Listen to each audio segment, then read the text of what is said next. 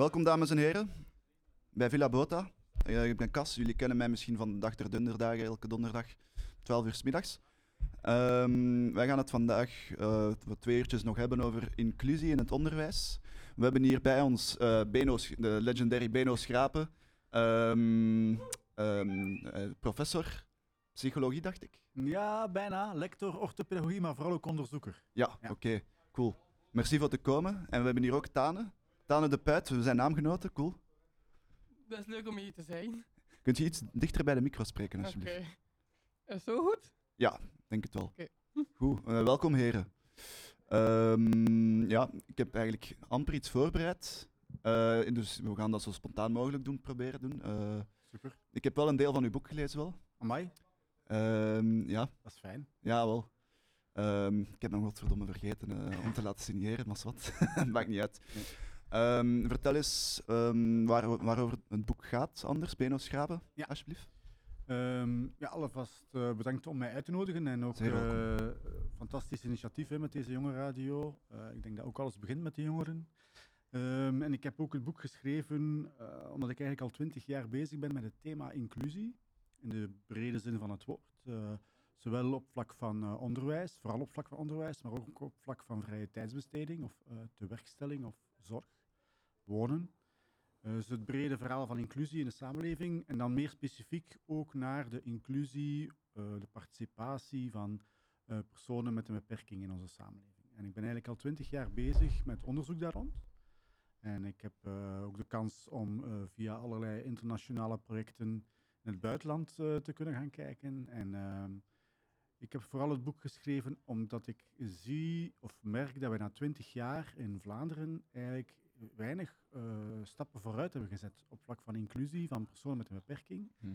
En dan vooral in vergelijking met onze omringende landen. Het boek heet dan ook Excluses. het gaat over de argumenten en de excuses die wij gebruiken om uh, mensen met een beperking niet te laten deelnemen. Er zijn een heleboel, Dank u. Er zijn een heleboel ja maar's. Uh, ja. ja. maar, wij, wij, kunnen dat niet. Ja maar, we hebben daar niet voor gestudeerd. Ja maar, uh, dat is lastig voor de anderen. Ja maar, de andere ouders willen dat niet. Mm -hmm. Er zijn dus een hele waslijst aan ja maar's. En in die twintig jaar dat ik met dat thema bezig ben en met ouders heb gesproken en met jongeren met een beperking heb gesproken. Ja, en ook vandaag de dag nog hè, zijn er een heleboel ja maar's. Maar al die ja maar's zijn eigenlijk te weerleggen. Ja, want eigenlijk zijn die allemaal te weerleggen vanuit, vanuit één uh, argument, namelijk uh, iedereen heeft het recht om deel te nemen aan onze samenleving. Iedereen heeft het recht om van alles wat onze samenleving te bieden heeft, om daar maximaal uh, van aan deel te nemen, van te profiteren, daarvan te genieten. Ehm, en wij zien, ik zie natuurlijk, ik verzin dat niet, hè, maar wij hebben um, in 2009 hebben wij een, een, een VN-verdrag ondertekend.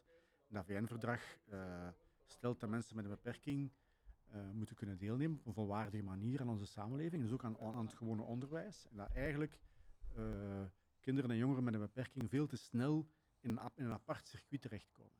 Door het feit dat die in zo'n apart circuit terechtkomen, um, wordt daarmee een stukje ook hun levensloop bepaald. En komen zij op wat ik noem de, de handicap-archipel terecht. Namelijk een soort van eilandengroep, een beetje weg van het vasteland, waar uh, kinderen met een beperking in een, eerst in een aparte kinderopvang terechtkomen, een aparte school, een aparte vrije tijdsbesteding, aparte uh, tewerkstelling, aparte woonvormen. En, en, en die, dat is allemaal goed omkaderd en goed beschermd.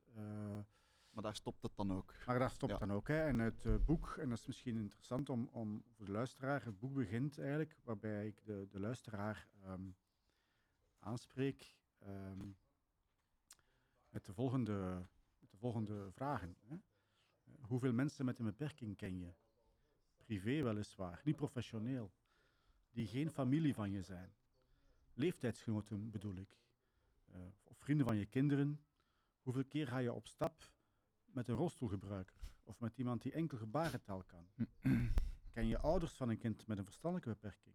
Behoren er mensen met een verstandelijke beperking tot je vriendenkring of kennissenkring? En als je gaat winkelen tijdens de koopjesperiode, hoeveel mensen met een zichtbare beperking kom je dan tegen? Of tijdens je vrije tijdsactiviteiten? Of bij het uitgaan? Heb je al gesport met iemand met een beperking of een handicap? Heb je contact met kinderen, jongeren of volwassenen die in je buurt wonen? Weet je eigenlijk wel of ze in je buurt wonen? En als je iemand met een beperking ontmoet, gedraag je je dan natuurlijk of wordt het al gauw geforceerd? En zie je in je favoriete series personages met een beperking of een handicap? Worden die dan ook gespeeld door een acteur met een beperking? En in straatinterviews of talkshows, wanneer wordt de mening gevraagd van iemand met een beperking over een thema dat niets met zijn handicap te maken heeft? Hoe komt dat, denk je? En ehm, vanuit die vaststelling, eh, want een van die vragen moeten mensen eh, negatief antwoorden, hè, eh, hebben wij eigenlijk twee aparte werelden gecreëerd. Terwijl ehm, het de bedoeling is om, om naar één, er is maar één wereld, hè, om in, in die ene wereld meer, meer inclusief te gaan werken. En eh, alles begint of vertrekt daarbij een stuk vanuit het onderwijs. Eh, en ehm, de landen die inzetten op een inclusief onderwijs, dat eh, vertaalt zich in een meer inclusieve samenleving voor mensen met een beperking. Want die kinderen en jongeren die leren elkaar kennen in dat onderwijs, die, die, ehm, gaan, die groeien samen op, die gaan makkelijker samen ook vrije tijdsbesteding doen, naar de jeugdbeweging of naar jeugdorganisaties gaan. Yes. Die gaan ook, en dat is wat, wat de onderzoeken allemaal eh, aantonen, dat in die landen eh, mensen met een beperking ook makkelijker werk vinden in een reguliere eh, setting, dus in het gewone tewerkstellingscircuit, enzovoort, enzovoort. Dus het onderwijs is, is daarbij de motor van de inclusieve samenleving. Mhm, hè. mhm. in Vlaanderen is dat jammer genoeg nog niet het geval. Integendeel, wij zetten heel hard in op een buitengewoon onderwijs, op een apart circuit. Bij gevolg is ons onderwijs eigenlijk de motor van een gesegregeerde samenleving. Hè? Van een samenleving waar mensen in aparte stromen terechtkomen. En wij vergoelijken dat, wij, wij, wij, zijn, wij, zijn, wij, wij houden dat in stand. Uh, wij vinden dat ook het, het beste voor hen. Uh, en vaak merken we ook dat, dat, dat anderen dan beslissen voor hen. Dat is redelijk neerbuigend, zou ik zeggen. Ja, dat is inderdaad een beetje, dat is een beetje paternalistisch. Hè? Ja. Dat, dat, komt ook door onze geschiedenis. Wij, hebben, wij, dragen onze geschiedenis mee. Hè? We zijn hier vandaag beland door onze geschiedenis.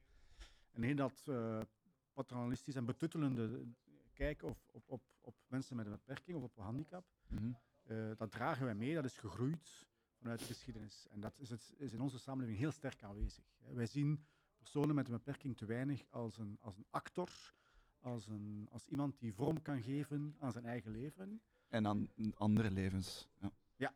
en ook aan, aan ons leven, hè, inderdaad. Oh. Uh, uh, maar die hebben daar waarschijnlijk ondersteuning voor nodig. Niet allemaal en niet uh, allemaal evenveel. Maar, maar om daar vorm aan te kunnen geven aan je eigen leven, heb je de gepaste ondersteuning nodig. Maar dat moet zoveel mogelijk gebeuren in en samen met de andere mensen in de samenleving. Dat klopt. Ik uh, doe nu al een klein jaar vrijwilligerswerk bij Immens. En dus dan ga ik langs bij mensen thuis in Oostende die een beperking hebben, die in een rolstoel zitten of amper kunnen staan. Um, en ik moet zeggen, het heeft mij heel veel over mezelf geleerd. Dus wat daar, om terug te komen op uw punt, moest iedereen wat, dat wat meer doen, ja. dan zouden wij veel beter in ons vel zitten ook, volgens ja, mij. Dat klopt. Ja. ja. Dus uh, in, in, het boek begint ook met een citaat van uh, Murakami. Uh, dat is ook interessant, want dat sluit aan bij wat, bij wat je zegt, Cas. Mm -hmm. Hoe hoog ook de muur is om indringers buiten te houden, hoe strikt we ook zijn in het uitsluiten van buitenstaanders, we beschadigen alleen onszelf. Mm -hmm. Het is juist door de mensen binnen te laten en elkaar te leren kennen en ja. elkaar te ontmoeten, dat we daar ook zelf ook beter van worden. Mm -hmm. Tuurlijk. Ja. We gaan misschien een keer over naar Tane. Oké, okay, hey. Hey. Um, vertel eens, um, geef een keer een korte beschrijving over jezelf, alsjeblieft. Ik ben Tane de Puit en ik heb zelf verstandelijke beperking door ouders op mezelf. Mm -hmm. En ik word 23 jaar. Oké, okay. ja.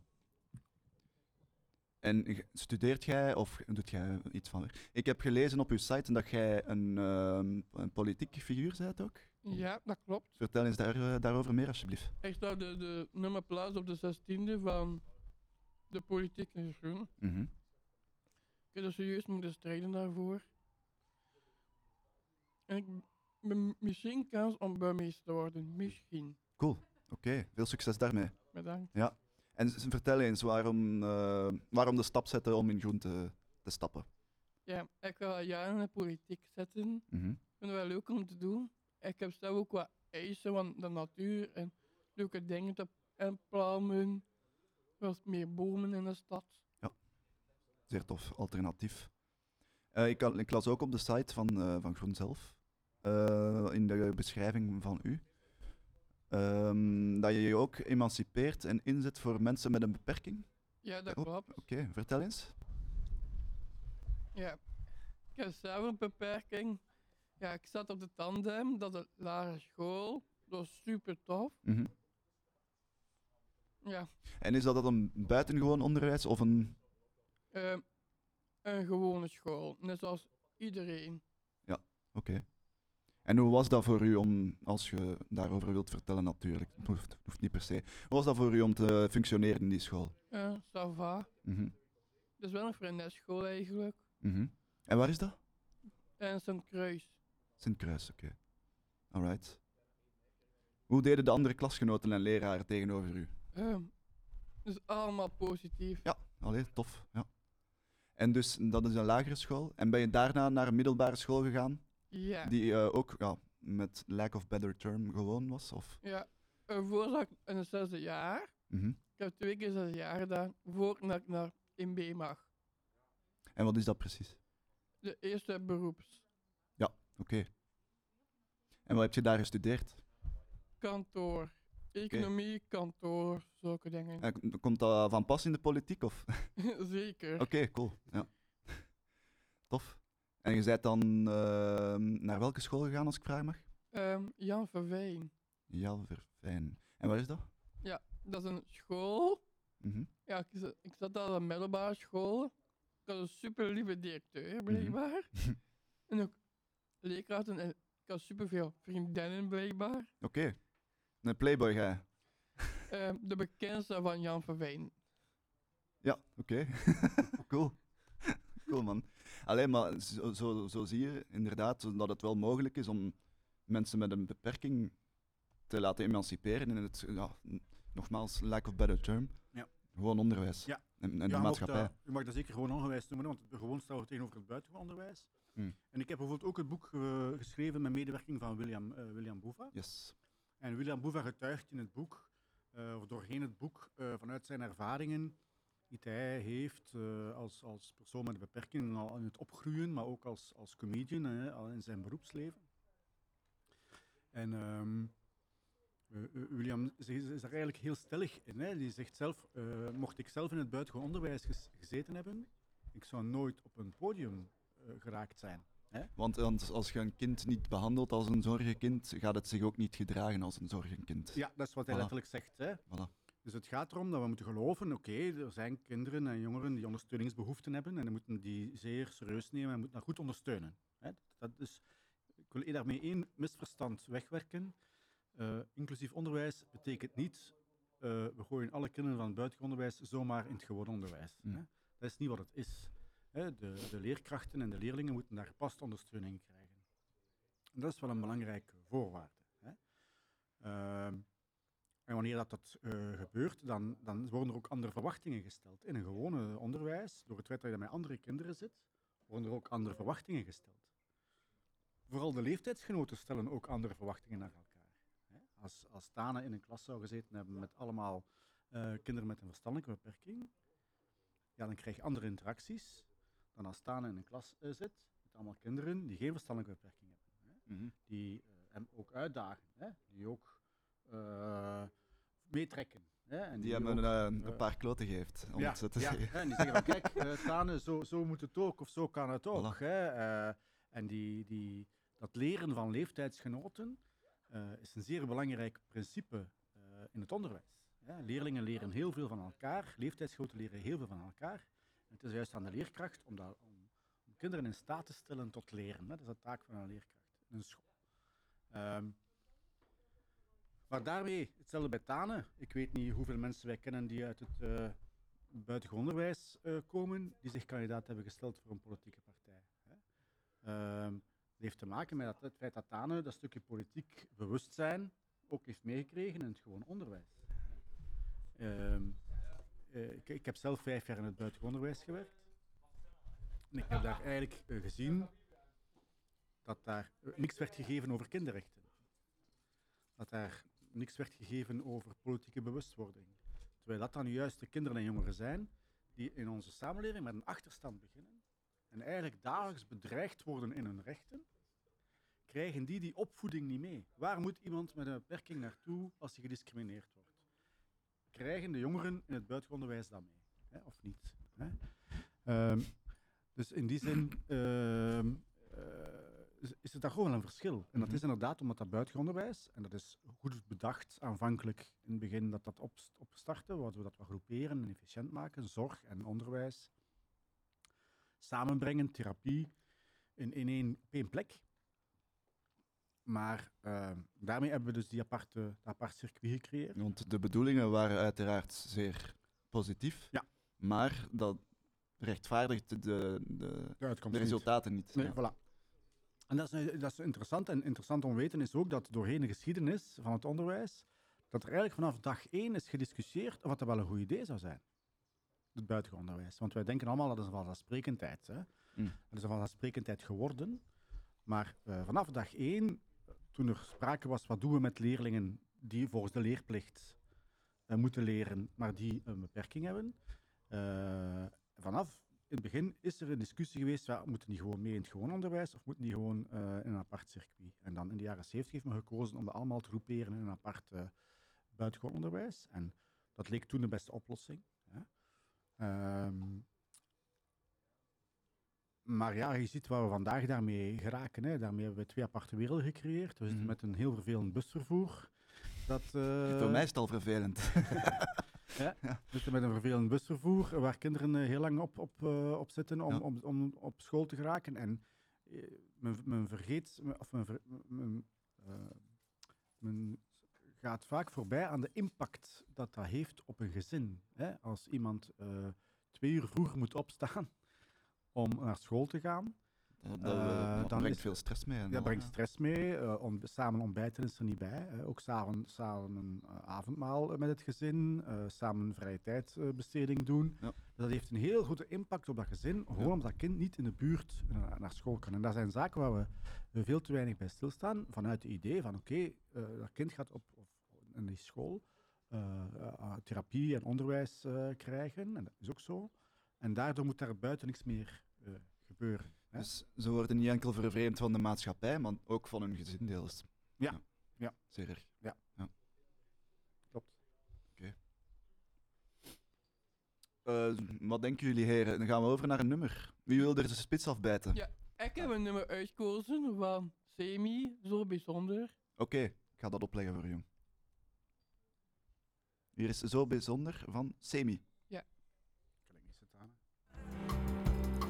I know it sounds bizarre, but that's the way it is. I get the moment I will call you for another kiss. I never ever had a doubt about the life I lead. But since we met, I cannot wonder if that's all I need.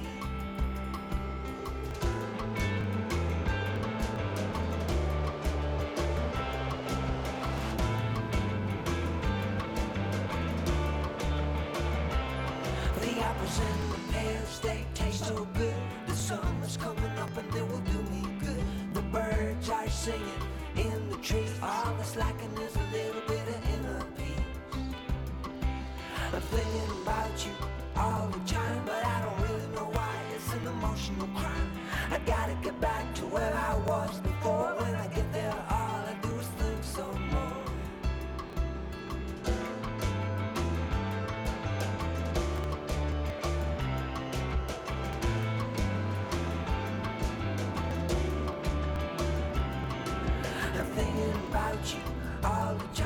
Time. The howl of the devil or sound divine? I know it's wrong, but I know it's right.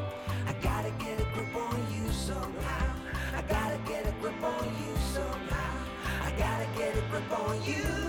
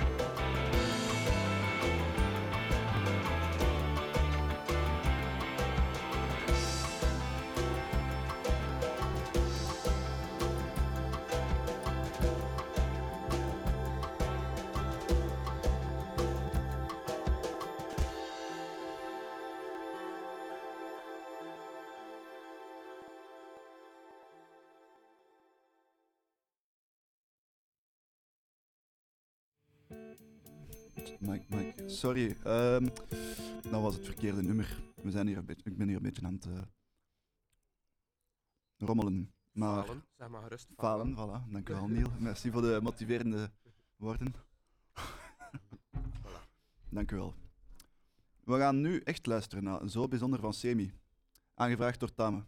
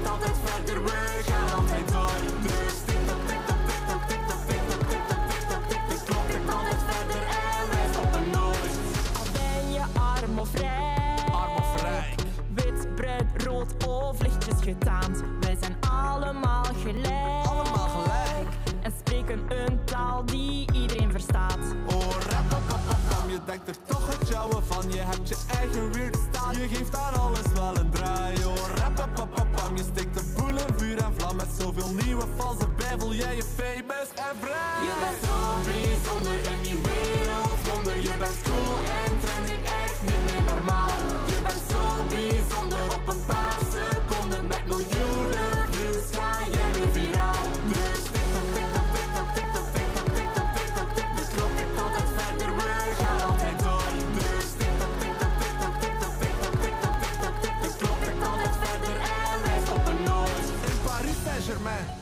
met Neymar. We zagen crazy party people, het werd soms wild en bizar. We horen bij elkaar, zo als de teller en nummer. Weet je niet wie we zijn, dan, zeggen wij oké okay.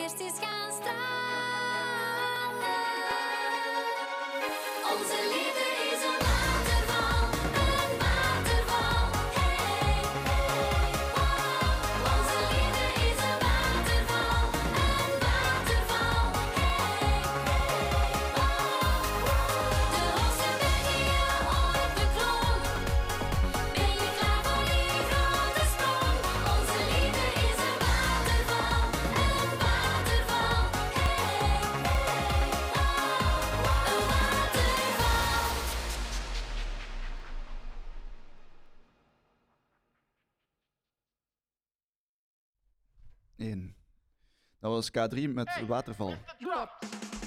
Oei. Met mijn twee linkse poten ook. Voilà. Dat staat af.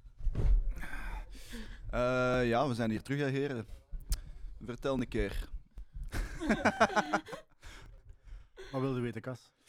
Ehm ja, ja. Eén vraag dat ik had voorbereid is... ehm wat was het weer? Goh. Het is een stil moment, hoor. Sorry, jong. Ik weet het niet meer. Nee? Nee, sorry. is niet erg. Oké. Misschien... Ik heb ook een vraagje. Hoe Ja. je van mijn solosong? Wat je solo-song? Wat je Ja. karaoke bedoel je? Of waterval? Ja, enthousiast, hè? ja. Ja. Op zijn minst. maar ik ben blij dat je op je gemak bent. Ja. Ik denk dat ik meer stress heb dan u. ja. Oké, cool. Ehm goh. Mm, mm, mm. Ja, Arno is gisteren gestorven. Oh, jammer. Ja, 72 jaar, pancreaskanker. Twee jaar gestreden, hè. Ehm, jij wou een nummer horen, dacht ik. Hè? Nee, dat was ik. Jij wou vooral een nummer horen. Ja, ja, ja, oké. En ik heb gezegd van als jij al een hummer neemt van Arno, dan moet ik er geen nemen natuurlijk. Oké. Ehm, ik, stel over dat, ik stel voor dat we hè, overgaan naar muziek weer. Ja. En Ja. dan bereid ik al een vraag voor. Is goed. Sorry voor het geklungel. Ja. Hier is Arno met Lonesome Sorrow.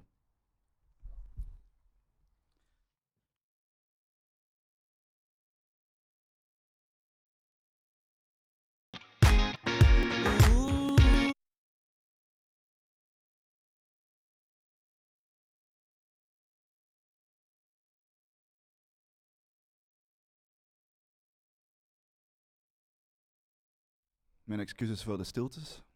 Ik kan eh, echt niet werken met computers. Nee, de computer wil gewoon niet meewerken. Mm. Fucking technologie. Ja, waar? Een keer eh, open, eh, sluiten en openen misschien?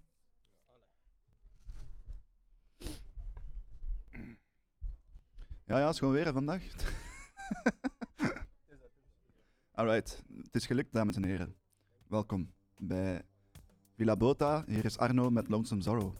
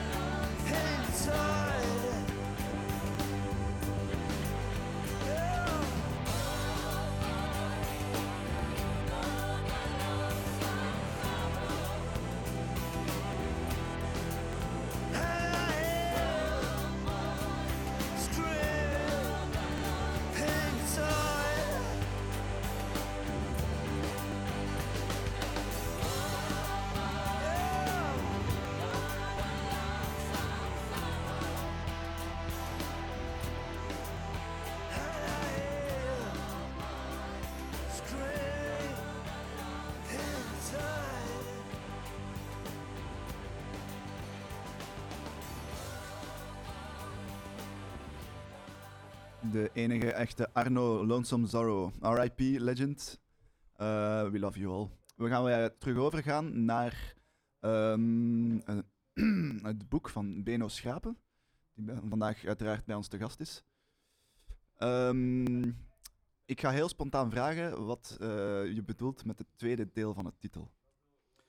Ja, dus het, eh, het boek heet Excluses. Met als ondertitel Wat uitsluiting doet met mensen. En eigenlijk ehm, eh, staan we daar te weinig bij stil bij wat eh, het feit dat mensen opgroeien in een aparte omgevingen eh, aan de ene kant doet met die mensen zelf, maar ook wat dat doet met de, de rest van de samenleving. Het zorgt ervoor, wanneer wij gekozen hebben in het verleden voor dat buitengewoon onderwijs. Eh, en we hebben een plek gecreëerd, een aparte plek gecreëerd, waar die mensen naar school kunnen gaan en goed omkaderd eh, gepaste therapieën kunnen krijgen. Maar dat staat buiten het gewone dagelijkse, reguliere, eh, gewone leven, in de gewone school. Ja, dan creëert je eigenlijk een soort van vervreemding. Een vervreemding tussen twee partijen. Eén, de mensen met een beperking zelf, die, die opgroeien in de idee dat ze enkel kunnen functioneren in een aangepaste omgeving, omkaderd door professionals, eh, therapeuten en eh, specialisten. En aan de andere kant, bij de andere groep, eh, kinderen en jongeren en volwassenen zonder beperking, wordt het idee geïnstalleerd dat die kinderen ook beter af zijn in die aangepaste omgevingen. En dat die eigenlijk niets, niks te zoeken hebben in die gewone omgeving. En dat is een beetje een van de, een van de grote weerstanden die in ons hoofd zit wanneer het gaat over dat inclusief onderwijs. Want we proberen in Vlaanderen toch al ehm, ondertussen eh, zeven jaar dat inclusief onderwijs eh, te realiseren. Eh, maar de idee dat de kinderen in dat gewoon onderwijs, kinderen met een beperking in dat gewoon onderwijs, kinderen zoals staan, jongeren zoals staan, niks in dat gewoon onderwijs te zoeken hebben, dat is zo hardnekkig. Ja. Ehm, en en eh, omdat- omdat, wij een, een soort van beeldvorming hebben geïnstalleerd, dat eh, ja, wanneer mensen in dat apart circuit eh, terechtkomen, dan zal er wel iets mis mee zijn. Hè? Dan zal dat wel een probleem zijn. Dan zal dat wel een last zijn. En als die dan naar ons toe komen, in onze gewone school, waar wij de voorbije ehm 50 jaar niet meer ons hebben moeten bekommeren om die kinderen, dus ook niet meer geleerd hebben hoe dat te moeten doen. Eh, en plots komen die kinderen toch naar onze klas. Integendeel, het was zelfs zo dat in het verleden het eh, getuigt van goed onderwijs om zo snel en zo goed mogelijk kinderen naar dat buitengewoon, naar dat apart circuit door te verwijzen. Hè? Want dan kregen ze daar de gepaste hulp en ondersteuning. En nu zitten we in een soort van omgekeerde denkpiste. Nu wordt plots van die leerkrachten van die school gevraagd van ja, maar ja, die moeten hier wel blijven. Hè? Dat is het engagement dat we moeten, dat we moeten nemen. Mhm. Dus en dat is een, dat is een, eh, een omkering ook in, in, in de hoofden vooral van, van, de, van de professionals, van de leerkrachten, ook van ouders. Hè? Waarbij de ouders eh, er toch eh, moeten meer van, van, van meer moeten geloven, samen met een omgeving, familie, vrienden, dat een inclusief parcours eigenlijk in het belang is van een kind en meer zelfs in het belang is van elk kind. Eh, Want wij kunnen er enorm veel leren van om te gaan met mensen met een beperking. Met Tane, wat, wat, wat hebben uw medeleerlingen van jou geleerd? Van alles. Zeg eens. Ze weten dat ik een playboy ben. Zeg je wat? Playboy. ja, Alright. That's the spirit. Ja. Ja, er zijn nog wat dingen dat ze geleerd hebben. Ik ben goed in aardrijkskunde en geschiedenis. Ik heb 9 op 100 voor wiskunde gehad. Amai. Ja. Ja, maar hebben, hebben, hebben de andere leerlingen iets van jou geleerd? Heb jij iets geleerd aan hen? Ja, Wat? dat ze me- mensen met, een- met een beperking accepteren, ook de leerkracht. Mhm. Maar sommige leerkrachten tonen het zelf niet eens. Oké. Maar jij hebt zo'n ervaringen niet gehad, of wel? Dat weet ik niet. Dat weet je niet meer. Oké. Nee. Maar volgens mij was, was de ervaring die je had op beide scholen, die slash, allee, haak aanhalingstekens normaal waren, heel, heel, heel positief. Hè? Ja, dat was Dat is goed. dat is eerst had ik nog in het middelbare in Jan Mhm. En da- dan was er een nieuwe directeur en dan begon de ruzie. Oké. Ja. Hoezo? Als kraai mag. Ja, een van mijn assistenten heeft gehoord dat ze mij willen wegsturen Oké. op een. eh, over. Ja, inclusie is belangrijk voor mij, maar ze doen exclusie op mij. Ik vind het echt irritant. Mhm. Mhm. Ik heb geen diploma gekregen. Dat is dus, eh, dat is dus de situatie. Hè. In Vlaanderen hangt het feit of iemand in een inclusief eh, parcours kan stappen, is afhankelijk van goodwill en geluk en van eh, de juiste mensen tegenkomen. Hè, Vlaanderen in de breedte en in eh, de diepte heeft niet gekozen voor de inclusie van personen met beperking. Voor, nog altijd niet. Hè. En dan zien we dat in andere landen die daar wel voor gekozen hebben. dan Zoals Spanje, dacht ik. Nee, Zoals- zeer... eh, ja, zoals Spanje, maar ook. en dat, is, dat is heel opvallend dat bijvoorbeeld armere landen zoals Spanje en Portugal en zelfs Italië.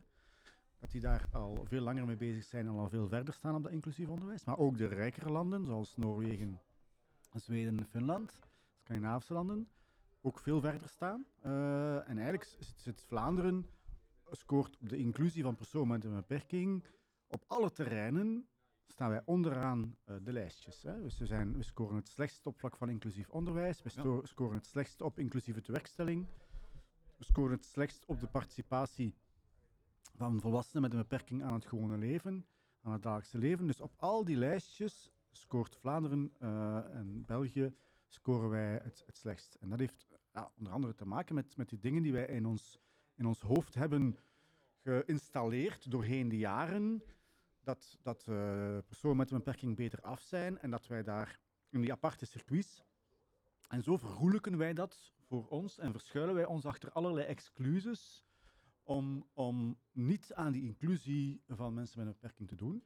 Mhm. Terwijl ondertussen, en dat is misschien ook wel belangrijk om te weten, sinds vorig jaar staat het recht op inclusie van personen met een beperking in onze grondwet. Dus eigenlijk Sinds is- vorig jaar nog maar. ja, sinds vorig jaar. En eigenlijk is dat een, een belangrijke hefboom. En waarom staat dat in onze grondwet? Omdat we het daar zo moeilijk mee hebben. Hè. Dus, de senatoren hebben het, het in onze grondwet proberen krijgen, omdat zij ook zagen van ja, er gebeurt hier niks. Dus we moeten echt eh, korter op de bal spelen. En we zien ook dat sinds dat dat in de grondwet is gekomen, dat er veel meer, zeker op federaal niveau, beweegt op vlak van eh, inclusie van mensen met een beperking. Vlaanderen loopt, loopt op dat vlak eh, historisch eh, achter. eigenlijk. We hebben meer de mentaliteit van, ja, ja, ik betaal wel met mijn taxen en zij lossen het wel allemaal op, dus de, de verzorgenden en zo. Ja, voilà. Ja. Ja. het, is een, het is ook het is een comfortabel gegeven. Dus wat, wat doet die uitsluiting met, met mensen zonder beperking? Eh, ja, het zorgt ervoor dat wij met hen geen rekening moeten, moeten houden. Het zorgt ervoor dat wij hen eh, geparkeerd hebben in veilige en mooie omgevingen, eh omkaderd door eh, professionals. Het zorgt ervoor dat, dat wij eh, ons, ons geen zorgen moeten maken. Tenminste, als je een plek vindt in zo'n voorziening, want daar hebben we dan ook weer wachtlijsten voor, enzovoort, enzovoort. Dus het is allemaal niet zo rooskleurig. eh, en, en we zien ook dat, dat elke wetgeving die telkens ontstaat, dat die eigenlijk ehm, niet ten goede komt aan de inclusie van, van mensen met een beperking. Mhm. We willen veranderen terug de wetgeving in het onderwijs. We gaan van een M-decreet naar een leersteundecreet. De bedoeling is dat dat leersteundecreet een stap vooruit zet in de inclusie van personen met een beperking. Maar de, de realiteit leert dat dat eh, waarschijnlijk niet zal gebeuren. Dat dat eerder een stap terug zal zijn. Bijvoorbeeld in ehm, islamitische landen zijn ze nog steeds zeer sterk van de mentaliteit van, ja, gezorgd jij voor de ouderen en voor de zwakken en zo. Hè? Ja. We hebben dat totaal uit het oog verloren, ik zo dit indruk. Ja. Ja, we hebben dat, we hebben dat uit toch verloren door ons, door, vanuit onze welvaart. Hè? Omdat, wij, omdat wij kunnen. eh, we hebben een, na de Tweede Wereldoorlog hebben wij een combinatie opgestart van een welvaartsstaat in combinatie met een verzorgingsstaat. Hè? En eh, inderdaad, wij, wij betalen belastingen voor een goede omkadering en een goede zorg eh, om dat te organiseren. Maar ehm, de, de, de vraag, het vraagstuk blijft daar of dat eh, wat de zorg, eh, die aparte zorg, die gesegregeerde zorg, ook in de ouderenzorg zien we dat, hè, dat ouderen worden apart gezet, of wat dat eh, de Dat is meestal afschuwelijk, hè, daar in bejaardentehuizen. Het. Ja, Ja. eh, nochtans zijn er ook woonzorgcentra die daar heel goed, heel goed werk leveren, maar het blijven aparte, aparte settings die vooral vanuit een medisch denken zijn, zijn opgestart. Hè? En het noemt woonzorgcentrum, maar de, het gaat dan vooral over eh, ta- 80% zorg en, en maar 20% woonfunctie. Hè? Dat is het. En eh, eigenlijk zou zou dat eh, meer in, in balans eh, moeten zijn. Want uiteindelijk, de mensen die in zo'n woonzorgcentrum eh, terechtkomen, is vaak de laatste halte eh, in hun leven. En eh, ja, en dat, natuurlijk is daar heel veel zorg nodig. Eh, Ja, en echt respect aan die mensen. Want, Tuurlijk, Ja. maar dat gaat dan ten koste van wat mensen nog willen doen of willen Mhm. betekenen in, hun- in hun leven.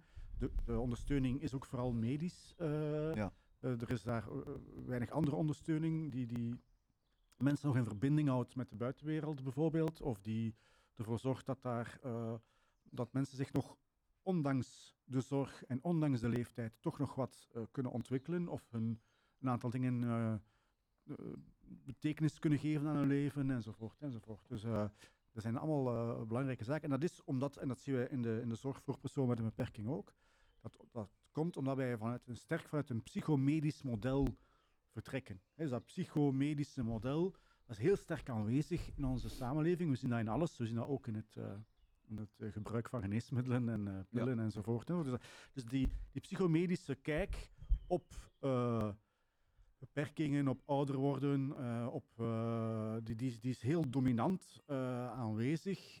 Maar die psychomedische kijk die vertrekt ook vanuit, eigenlijk, vooral vanuit problemen. Mhm. En niet vanuit wat mensen kunnen, hoe mensen ontwikkelen, hoe, wat mensen, hoe, hoe mensen zelf hun leven vormgeven enzovoort. enzovoort. Dus het gaat over, ja, dit, dit mankeert jij en daarom moet jij daar terecht. Eh, en niet, oké, dit mankeert jij, maar als je nog iets van je leven wilt maken en je wilt nog iets doen, dan kun je daar terecht. Er zijn nog twee verschillende ingangen natuurlijk. Hè. Mhm. Eh, ik wil daarmee nog eens herhalen dat inclusie betekent niet dat we al de kwaliteitsvolle zorg en al het kwaliteitsvol onderwijs dat in dat buitengewoon onderwijs gebeurt, dat we dat moeten weggooien. Hè?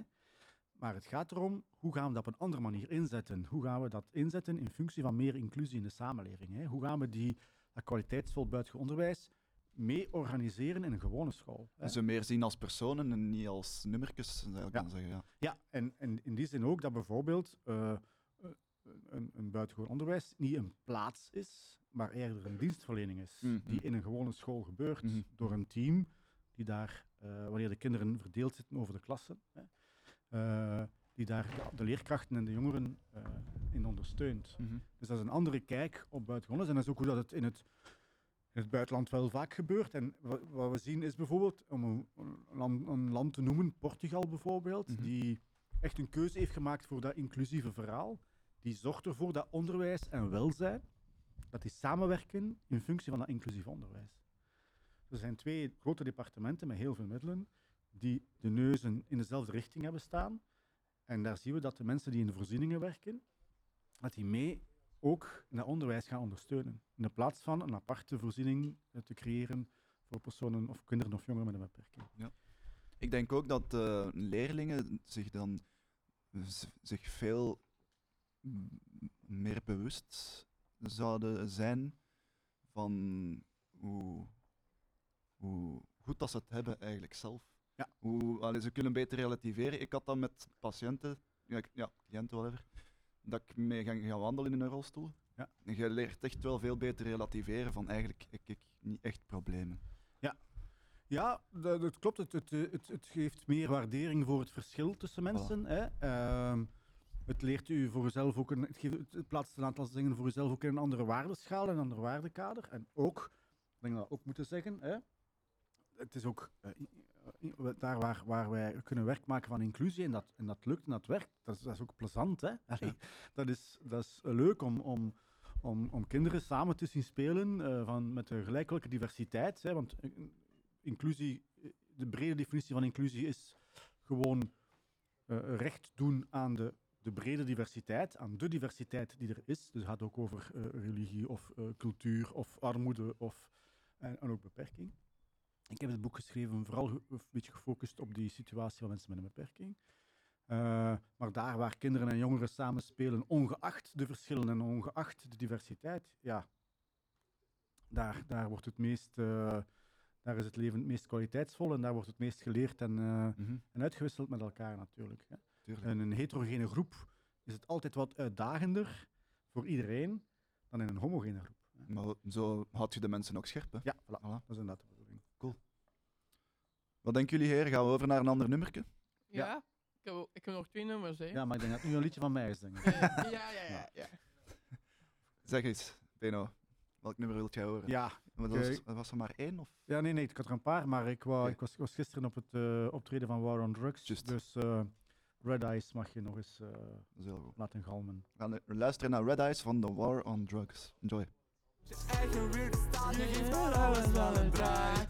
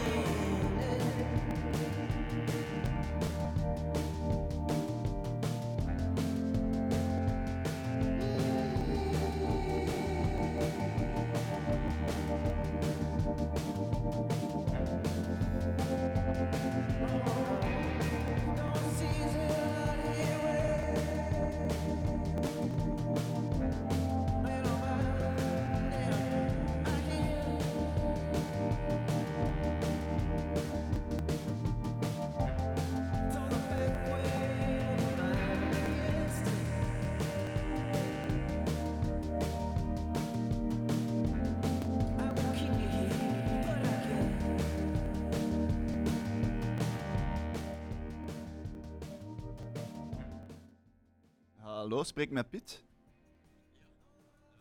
Oké, welkom eh, bij Villa Bota. Ehm, jij staat op speaker, is dat oké? Eh, ja hoor. Wat, eh? Juist, we zijn juist de technische parapos. Hallo, sorry, u, u viel even weg. Ja, nu wel. Ah, niet op speaker. Hoe moet ik hem dan horen? Met de koptelefoon? Ja. Ah, oké. Excuseer hoor. Sorry, eh, ik heb twee linkse poten en... eh, ja, nu, nu hoor ik wel eh, helemaal. Ja, sorry hoor. Ehm, we zijn eh, vandaag bezig over het thema inclusie in het onderwijs. Ehm, wat dat mij vooral aansprak, Piet, is ehm, hoe dat mensen met een beperking functioneren in het onderwijs en de maatschappij zelf. Kunt je mij eens vertellen, ehm, een, een kleine voorstelling geven anders van u, alsjeblieft? Ja. Ehm, dus ik ben eh, Pieter Vos, ik ben eh, nu 38. Ik ben eh, blind sinds mijn vijfde, dus volledig blind. Ehm, en dat, ja, wat het onderwijs betreft, dat betekent dat ik eigenlijk ehm, bij die eerste generatie was van kinderen met een visuele handicap die daar het gewone onderwijs konden. Mhm. Dus dat was eigenlijk het begin van inclusie. En voordien kon dat wel. Eh, we hebben het nu over de jaren, eind jaren 80. Ehm, en voordien kon dat wel, maar dan was het toch meer in, ja, hoe moet ik dat zeggen, losse gevallen. Als kinderen heel veel steun hadden van hun ouders of van leraren of zo, Ja. dan kon het wel.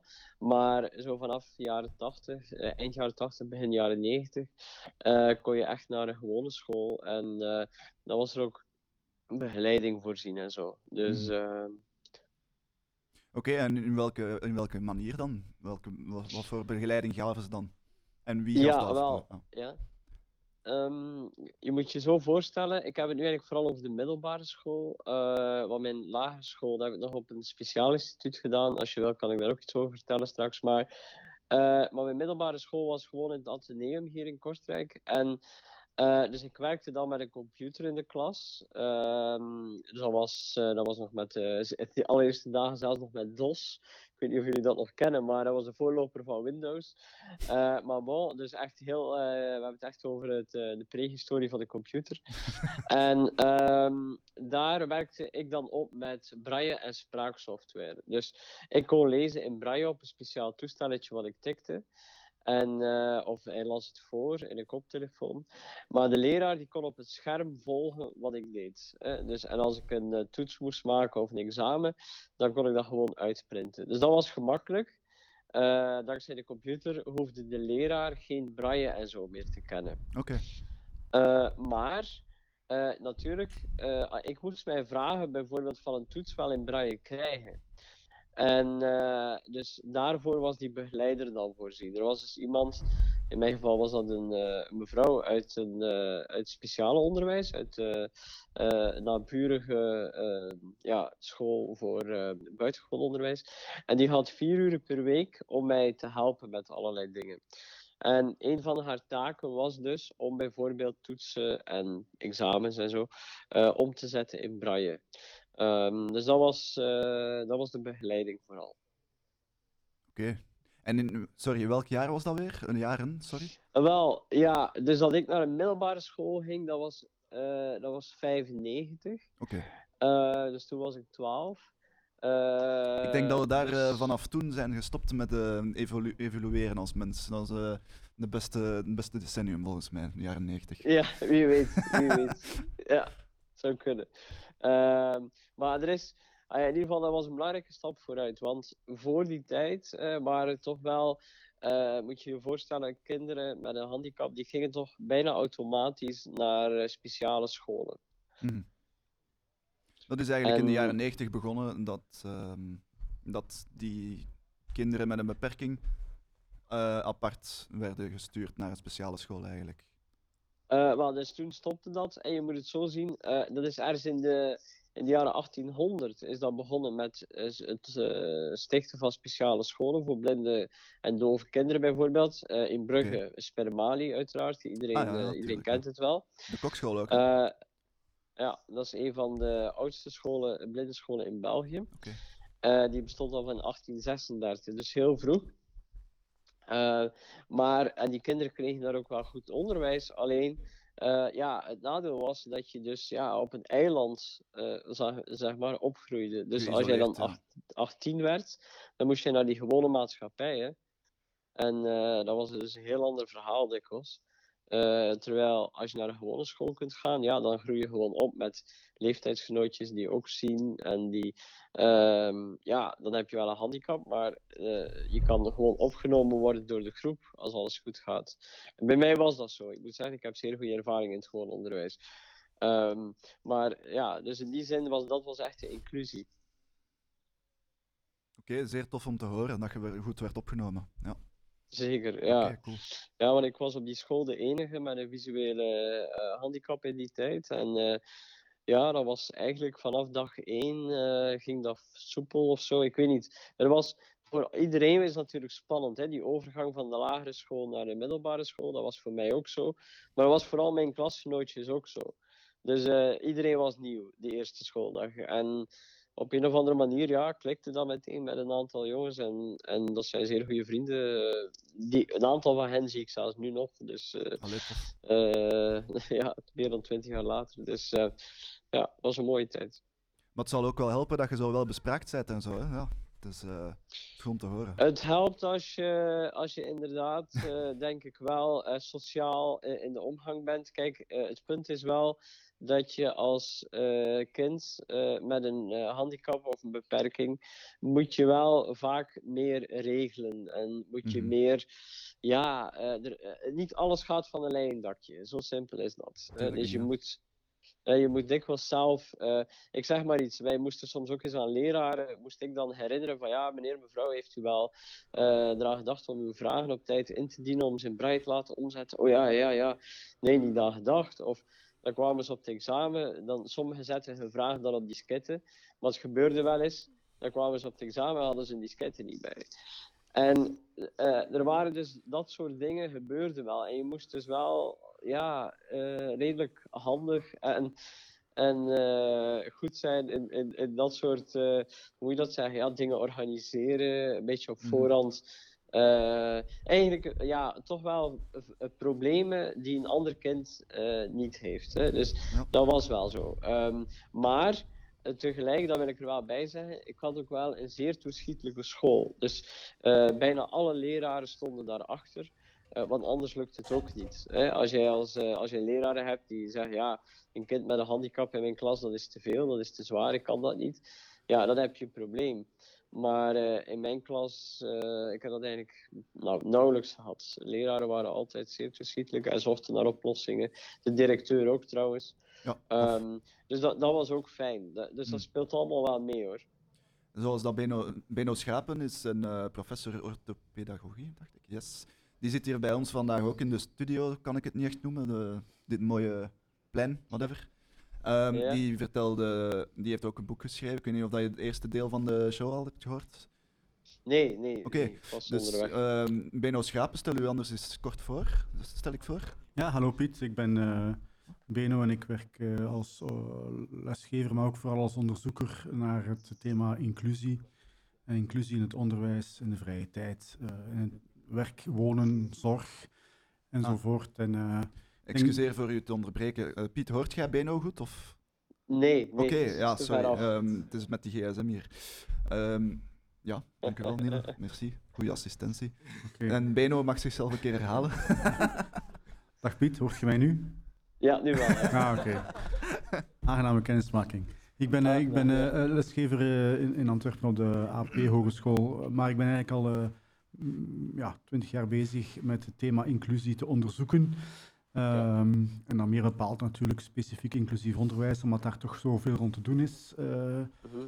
maar eh, ook rond vrije tijdsbesteding, eh, tewerkstelling, zorg, wonen. Op al die levensdomeinen, hoe kunnen we ervoor zorgen dat mensen met een beperking, ongeacht, eh, toch zoveel mogelijk in dat reguliere circuit met gepaste ondersteuning ehm, hun leven kunnen leiden. Hè? En zelf Ja. hun leven vormgeven, hè? want dat is toch wel een belangrijk gegeven. Dus vanuit die optiek zit ik hier en ik heb, ik heb eh, een boek geschreven dat heet Excluses, eh, wat uitsluiting doet met mensen omdat ik vind dat wij de laatste twintig jaar amper vooruit zijn gegaan op vlak Ja. van inclusie van mensen met een beperking. Mm, totaal mee eens. Ja. En eh, ik denk dat uw verhaal ook, ook aantoont hè, dat je terug, terug op de juiste mensen moet botsen. Hè. Je moet op de juiste directeur, de juiste leerkrachten moet botsen. En als je de pech hebt, hè, want daar komt het dan op neer, hè, als je dan de pech hebt en, je- en, en, en eh, je botst op de verkeerde mensen, dat je dan toch heel snel in een ander circuit terechtkomt met alle gevolgen van dien. Ook al is dat ander circuit ook goed bedoeld natuurlijk, maar de, de, de effecten van dat circuit, de gevolgen voor iemand zijn leven, zijn, zijn, worden vaak onderschat. Ja, volledig mee eens. Het is eh, nog te weinig systematisch ingebed. Hè. Het is eh, nog te, te veel afhankelijk van toevalstreffers. Klopt helemaal, ja. Ja. Dat is ook wat ik om mij heen hoor, hoor. Van mensen met zeer positieve ervaringen.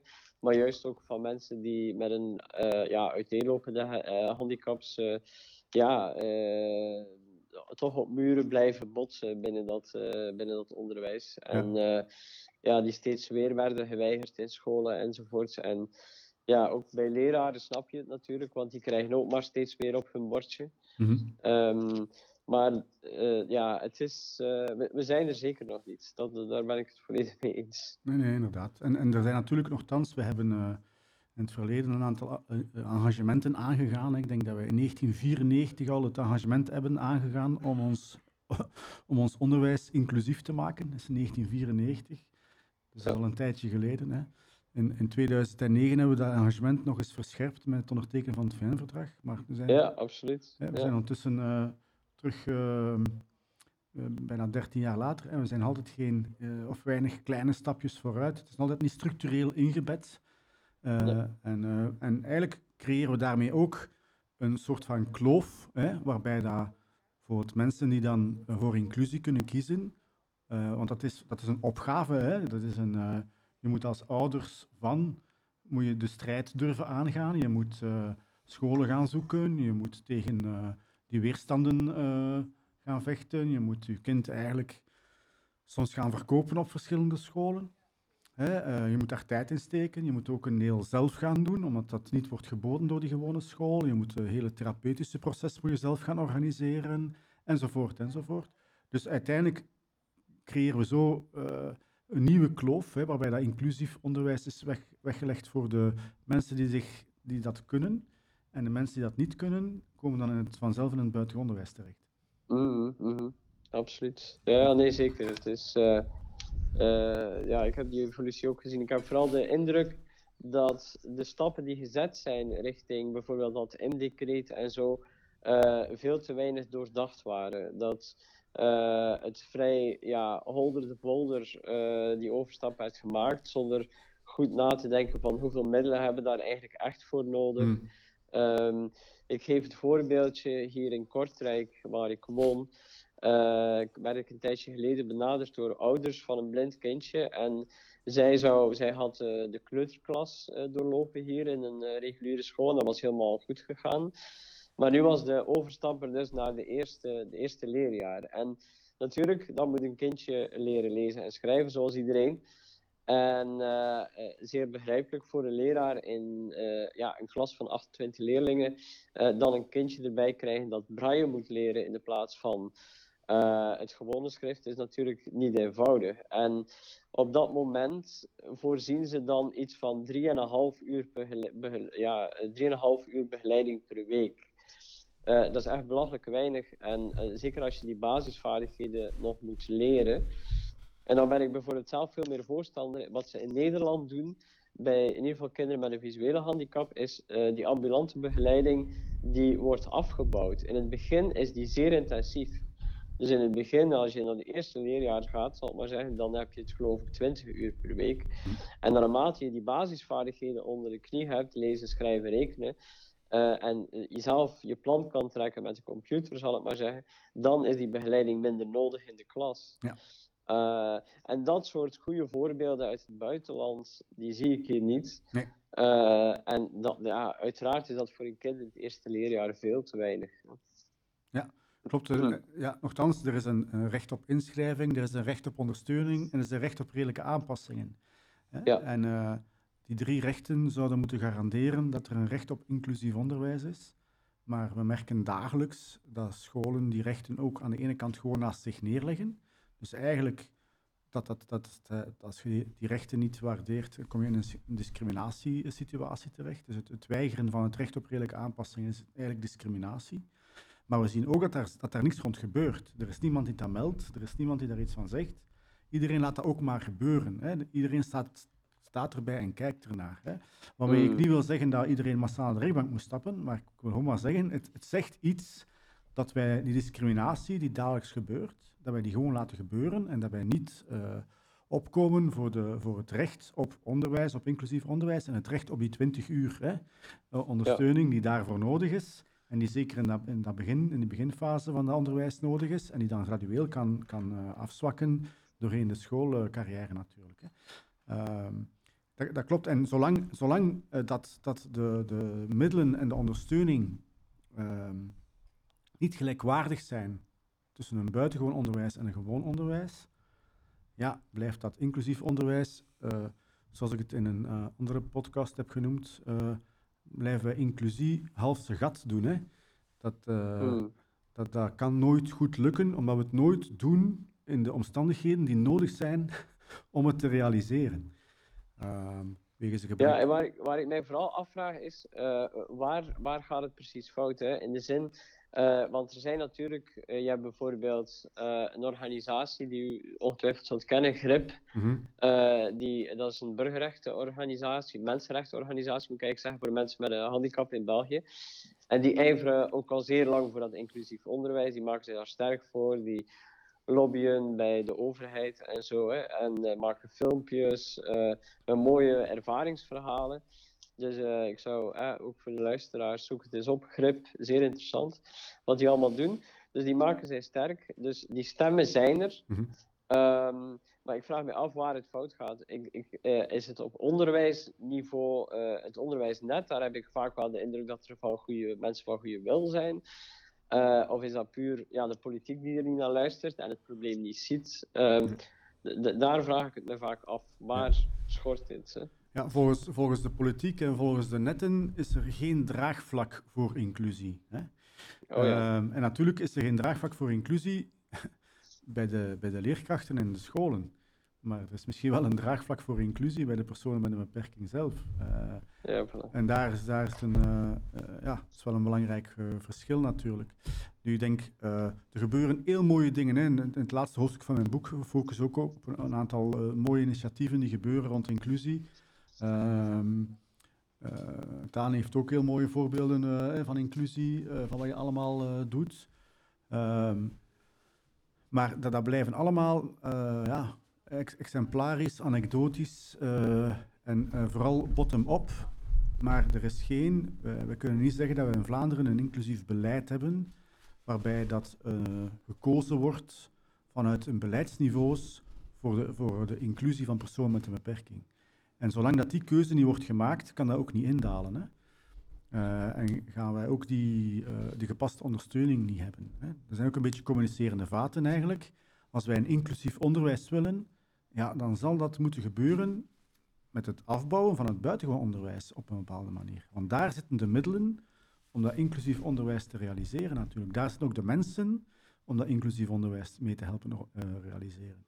Maar zolang dat, die, dat het buitengewoon onderwijs een heilige koe blijft, ja, dan eh, gaan we daar geen stap, geen stap verder in geraken, vrees ik. Hmm.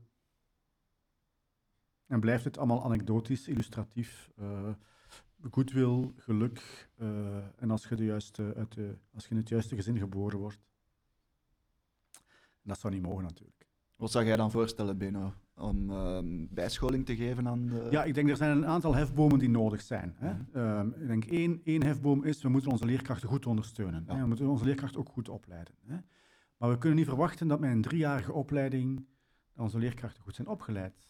In, in alle andere landen, on- al de ons omringende landen, in alle andere landen in Europa, is leerkracht worden vier tot vijf jaar. Hè.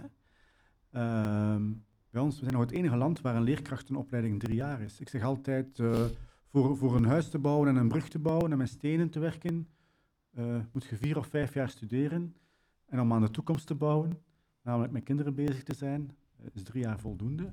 Onze maatschappij is complex genoeg geworden, denk ik, dat we de leerkrachten goed moeten om- opleiden en omkaderen. Dat is natuurlijk niet het enige. We moeten al die leerkrachten die werken, moeten we ook eh, de nodige bijscholing geven. Een ander voorbeeld uit Schotland bijvoorbeeld is een, is een ehm, ik ben dan naar Edinburgh geweest en daar zijn leerkrachten verplicht van per jaar 30 uur bijscholing te volgen. Verplicht, hè? 30 uur bijscholing. Ja, dan kan je als directie ook wel eens zeggen, weet je, de komende drie jaar gaan wij ons bijscholen op vlak van inclusief onderwijs, bijvoorbeeld. Ehm, dus dat soort, dat soort hefbomen zijn nodig. Eh, en dat is wat er ook gebeurt in de andere landen. In andere landen wordt massaal bijge- eh, ingezet op de bijscholing van de werkende leerkrachten in functie van inclusief onderwijs. Eh, en in functie van opleiding. Maar dat is maar, maar e- één deel van het verhaal natuurlijk. Hè. Er moet, een, eh, er moet een, keuze gemaakt worden.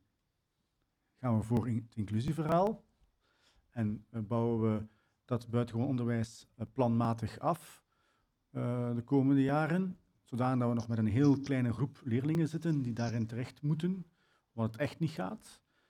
Maar eigenlijk zouden alle leerlingen met een visuele, auditieve beperking, iedereen met een fysieke beperking, die zou alvast in een gewone school terecht moeten kunnen. Eh Tane toont ook aan dat kinderen met een verstandelijke beperking, als ze goed omkaderd zijn en goed ondersteund worden en goed terechtkomen in een toffe school, dat ze daar ook eh, een weg kunnen vinden. Piet toonde dat ook aan. hè? Piet eh, toont dat ook aan. Zet je nog bij ons, Piet? Want, Hallo? Nou ja, nee, hij hoort mij natuurlijk niet. Vraag het eens. Of dat hij nog. Piet, ben je nog bij ons? Ja, ja, ik, eh, ja inderdaad. Just to be sure, sorry voor het ja. onderbreken. Dus eh, in, in die zin, er zijn, er zijn een aantal hefbomen die we moeten doen, maar we moeten als beleid vooral een keuze maken. Hè? We moeten vooral een keuze maken om de rechten eens te aanvaarden en die niet meer ter discussie te stellen. Er is een recht op inclusie, er is een recht op redelijke aanpassingen. Laten we dan eens stoppen met daarover te discussiëren en laten we eens kijken hoe we dat mogelijk gaan maken. Hè? Dat is één belangrijk. Zolang die keuze op die bepaalde niveaus niet wordt gemaakt. En ik vind ook bijvoorbeeld de onderwijsnetten, hè, Piet verwijst naar de onderwijsnetten, dat die misschien wel mee willen. Ja, maar de onderwijsnetten moeten hun macht gebruiken om dat inclusief onderwijs af te dwingen hè, op beleidsniveau. Maar ja, de netten die, ja, die zitten eigenlijk ook op, op een soort van. eh, vallen ook tussen. Op, zitten op twee stoelen eigenlijk. Want die netten, ja, die vertegenwoordigen ook het buitengewoon onderwijs natuurlijk. Hè. Zij hebben zelf een buitengewoon, eh, hun school een buitengewoon onderwijs. En die, willen, die, die willen ze ook niet kwijt. Hè. Dus eh, in die zin eh, denkt men altijd dat inclusie dat dat een verlies is. Hè, dat men daardoor het buitengewoon, maar het is niet maar je het buitengewoon onderwijs afbouwt, dat die mensen die daar werken niet de, in, de, s- in de andere scholen kunnen gaan, gaan, gaan, eh, gaan ondersteunen en daar mee via co-teaching of samen klassen doen enzovoort. Eh, er zijn allemaal mogelijkheden. Heel het buitenland is ons al voorgegaan. Dus we moeten gewoon maar gaan kijken hoe het daar gebeurt. Want iedereen doet het beter dan ons. Dus dat is een beetje het antwoord op de, wat, er moet gebeuren. Hè. Er moet een, een gelijkgezindheid komen op, op dat recht op inclusie. En een beetje meer hartelijkheid ten aanzien van mensen met een beperking kan ook altijd helpen. Mijn vriendin Oraya die werkt in een BKO Oostende. Dat is een buitenschoolse kinderopvang. Daar komen nu ook mensen, eh, kinderen met een beperking, autisme bijvoorbeeld. Eh, maar zij zegt, zij geeft, allee, heel goed hè, dat dat gebeurt, maar zij geeft eh, wel aan van, ah ja, we hebben hier meer ondersteuning bij nodig. Ja. Ja. Ehm, Natuurlijk, ja, ja, Ja. bijscholing bijvoorbeeld. Ja. bijvoorbeeld. En, en ondersteuning. Nu, eh, Piet, even, even terug naar jou. Hè. Ehm, to- toch een, een- een heel sterke weerstand komt juist vanuit het onderwijs voor eh, kinderen of leerlingen met een visuele beperking. mhm. Ehm, hoe leg jij dat uit? Ehm, ik kan daar niet helemaal de vinger op leggen, omdat ik ook daar niet. eh, want dus de. de ehm, je bedoelt vooral tegen, is eigenlijk tegen inclusie eigenlijk, hè, dat ja. er vanuit speciale scholen wordt tegengewerkt. Ja, dat is een, dat is een curieuze kwestie, want ehm, over het algemeen was dat eigenlijk. eh, nu, eh, u hebt er meer onderzoek naar gedaan dan ik, maar vol- als ik me goed herinner, in de jaren 90 waren wij eigenlijk ongeveer een van de eerste groepen die in het GON eh, werden geïntegreerd. Ja. Eh, omdat ze zeiden, ja, mensen met een visuele handicap, eh, kinderen, dat is niet zo moeilijk. Dat is een kwestie van een technische ondersteuning en dat komt verder wel goed.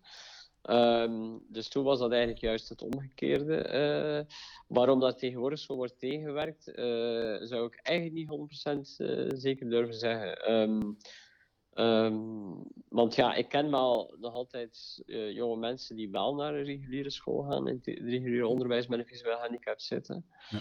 Ehm, maar ik denk dat het al bij al het gebrek aan begeleiding is. Dat is in ieder geval wat ik hoor van de mensen op het terrein. Eh, dat ze vinden, ja, eh, misschien dan beter een speciale school dan, dan, dan een slecht werkende, ja, slecht werkende inclusie, zal ik maar zeggen. Wat we bijvoorbeeld ook zien in het buitenland is dat bepaalde gewone scholen zich specialiseren. Hè? Dat bepaalde gewone scholen zeggen van kijk, wij, wij eh, gaan hier inzetten op eh, eh, kinderen en jongeren met een visuele beperking. En we gaan zo de middelen die daarvoor, of de ondersteuning die nodig is, wat groeperen. Zodat we niet één leerling hebben met een visuele beperking in onze school, maar dat we een stuk of tien hebben. En dan wordt Ja. een stukje makkelijker. Hè? Ja. Ja, dat is inderdaad, eh, dat heb ik ook al gehoord. Maar wat ik mij afvroeg, want u had, u had over andere voorbeelden in het buitenland.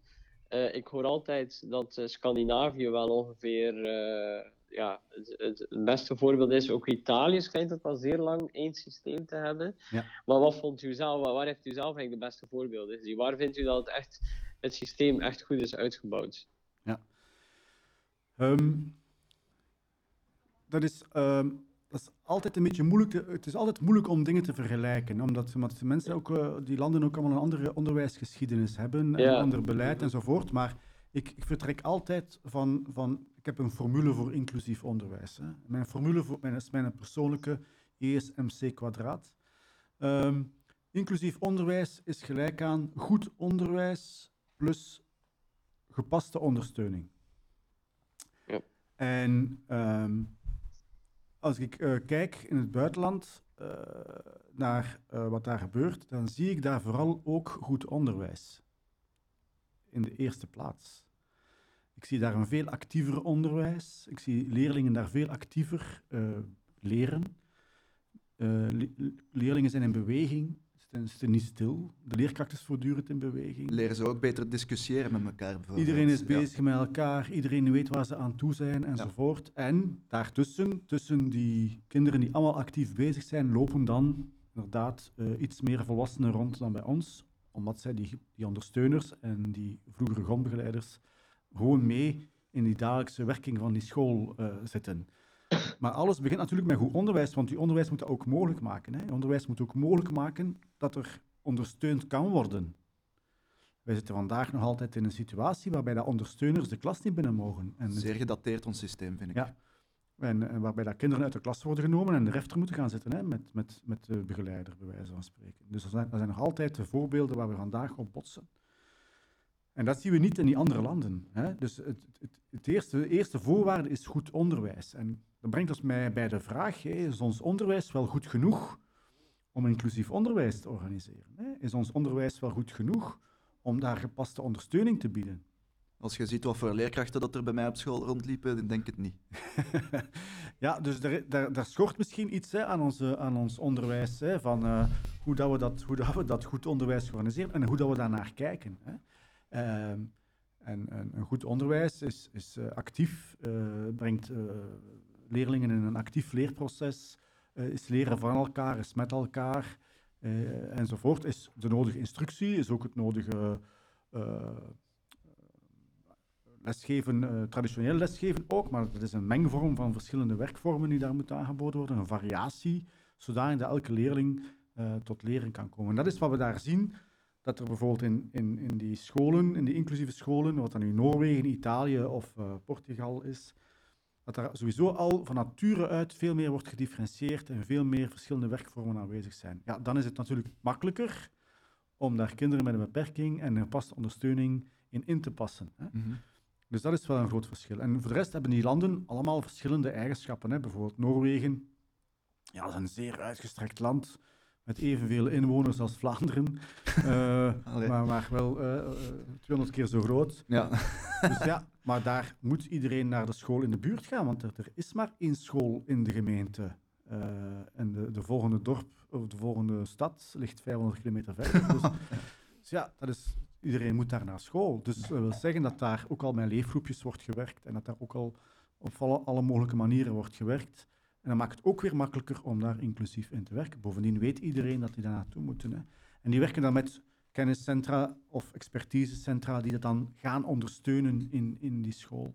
Ehm, Italië heeft eh, ook zo'n systeem, maar ook in die landen heb je kwaliteitsverschillen. Hè? Ook in die landen heb je eh, verschillen in kwaliteit tussen, tussen scholen en tussen leerkrachten. Hè? Heb je daar leerkrachten die daar eh, volledig in de vingers hebben, heb je ook leerkrachten voor dat ook dagelijks een worsteling is. En dat is niet anders dan bij ons. Heb je daar eh, heel goede scholen en gewone goede scholen. Hè? Eh, dus dat is, eh, op dat vlak is, dat, is, dat, is dat een ander verhaal. Maar die, die, die beleid, wat al die landen met elkaar wel gemeen hebben, dat is dat zij de keuze hebben gemaakt, wij gaan voor een inclusief onderwijs. En dat al die neuzen in dat beleid allemaal in dezelfde richting staan. Amen. Piet? Ja. ik weet niet of... Hij is er niet goed van. Nee. eh. Nee, ik ben eh, zeer eh, geboeid aan het luisteren, maar ik, eh, eh, ik had niet meteen een aanvulling of zo. Dus ik heb, eh, tenzij iemand een vraag voor mij heeft, maar ik... ehm, Beno, of Tane, Ja, heb jij een ik vraag? ben hier ook nog. Ja, Tane? Dag Piet de Vos. Ja, wij hoort u niet. eh, avond. de GS. Ah, dat hoort u toch? Oké, sorry. Ja, ik- heb je gehoord op Studio Brussel blijkbaar. Bij een spelletje. Is dat waar? Nee, Ah, nee, dat weet ik niet. Ja, Oké. ik lees ook vanuit Studio Brussel blijkbaar. Ah, oké. Va. Heb jij nog een andere vraag? Ja, Dana. ik heb een vraag voor Piet eigenlijk. Ja? Wat doe je allemaal in vrije tijd als een mens met een beperking graag wil doen en wordt het negeert? Heb je de vraag gehoord, Piet? Nee, nee, sorry. Oh. Doe dan eens een beetje die gsm Zal- wat dichter bij Tane, als Ja, dat ik kan. zal, kan ons de vraag even herhalen? Ja. Voilà. Ja. Wat doe je als je in je vrije tijd iets wilt doen en je wordt als persoon met een beperking genegeerd? Zeer goede vraag. Nee, de, gewoon de afspraak stopzetten, friet en biefstuk, alleen dat mag je eten. En dat vind ik niet oké. Hoe- Hoe bedoel je dat? Ja, ik heb mensen gezien met een leerkracht, Ja? met een beperking, Ja.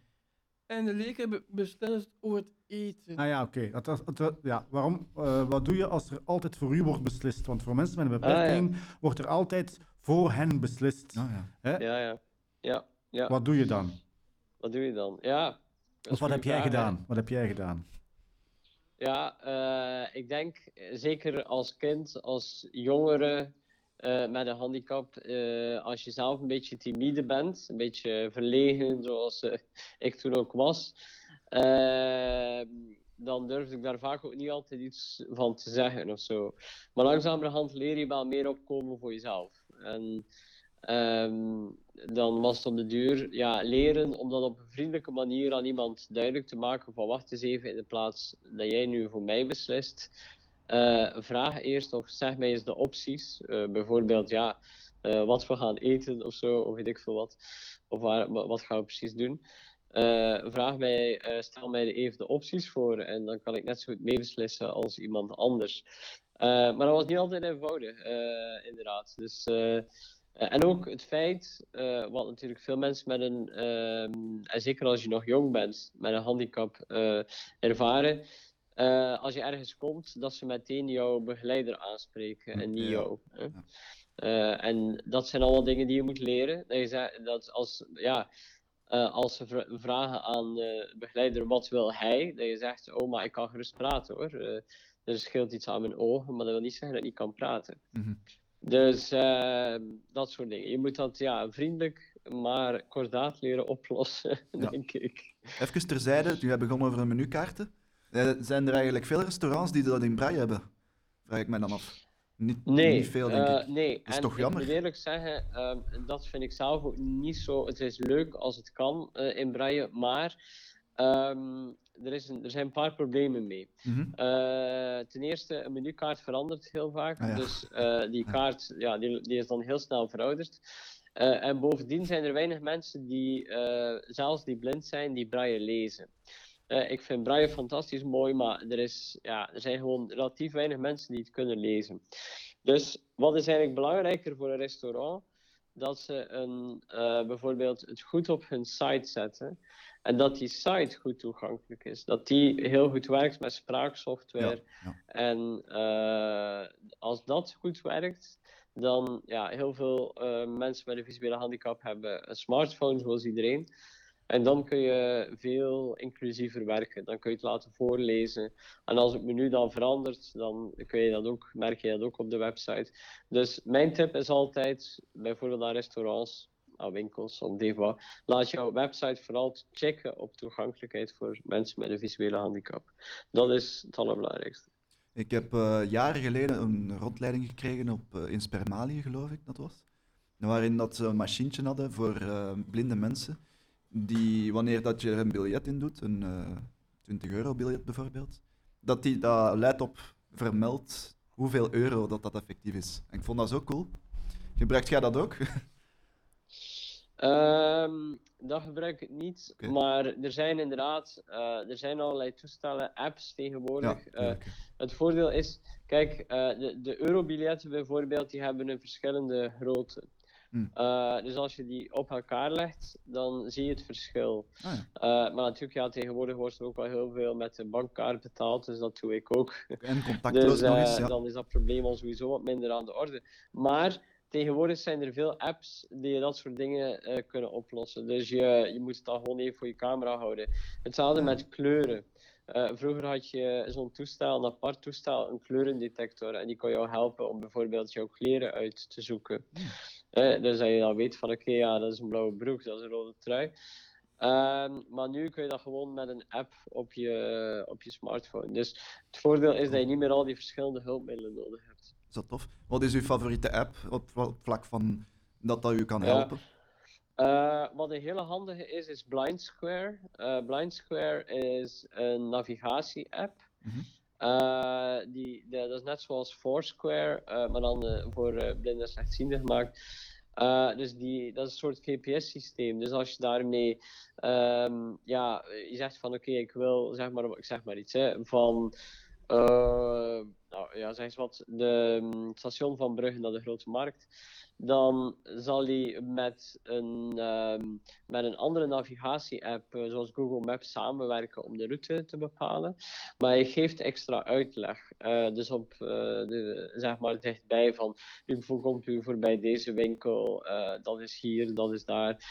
U bent bij dit kruispunt. verderop is er een bushalte. Dat soort informatie kun je allemaal heel snel ook, opzoeken. En dat is speciaal bedacht eh, dus ook voor eh, ja, mensen die stok gebruiken of met een geleidehond lopen. Wij hebben gewoon iets meer informatie nodig op die vierkante meter, ik het zo zeggen. Ah ja, vandaar eh, de naam. Een andere GPS-gebruiker. Cool. Heb je er nog één? Eh, n- nog een app? Ja? Ik ben wel eh, geïnteresseerd, hè? Ja, ik Ja. ook. Ehm, Ik heb ook een zijn, eh, ja, het is natuurlijk wel de toekomst voor inclusie. Enfin, dat is niet helemaal waar. Mensen zijn ook heel belangrijk, want dat mogen we niet vergeten. Maar technologie helpt. Mhm. Mhm. Ehm, er zijn eh, nu allerlei apps. eh, ik moet zelf zeggen, daar heb ik nog niet zo heel veel ervaring mee. Maar die ook heel veel kunnen voorlezen. eh, die dus bijvoorbeeld nu ook werken met een bril. Dus je hebt een bril op je neus. Eh, die, dus zelfs daar kun je niks doorzien. Maar die werkt met een camera en eh, die kan eh, teksten fotograferen en voor jou voorlezen. Dat is met En AI dan. heel Ja, erg mee mijn bezig. gsm Dat is een. Nederlandse uitvinding nu. Het schijnt dat Stevie Wonder er al een heeft. Ah ja. Dus het, is al, het wordt al redelijk internationaal gedeeld. Dus daar zit waarschijnlijk wel ook veel toekomst in. Dat je ja, zonder al te veel extra hulpmiddelen eh, toch ehm, ja, steeds mobieler en meer informatie krijgt uit je omgeving. hè. Ja. Dus eh, dat zijn zeker belangrijke hulpmiddelen. Cool. Ja. Daan, heb jij een eh, app dat jij heel graag gebruikt? Ja, ik gebruik een meditation app. Oké, en welke? Meditation Moment. Oké.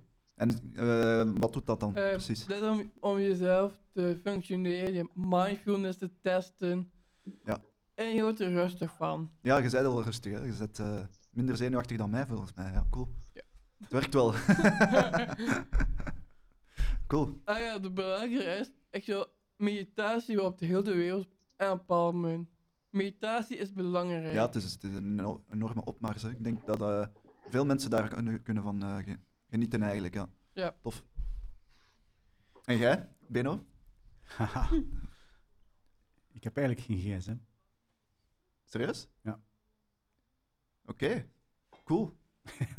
Dan zijn er meer op je gemak eh, buiten en al. Ah, Zie ja. mij hier rustig zitten. ja, voilà. Tof. Zeg Piet, ehm, wilt jij een nummer aanvragen? Ik stel voor dat we even eh, plaspauze houden of zo.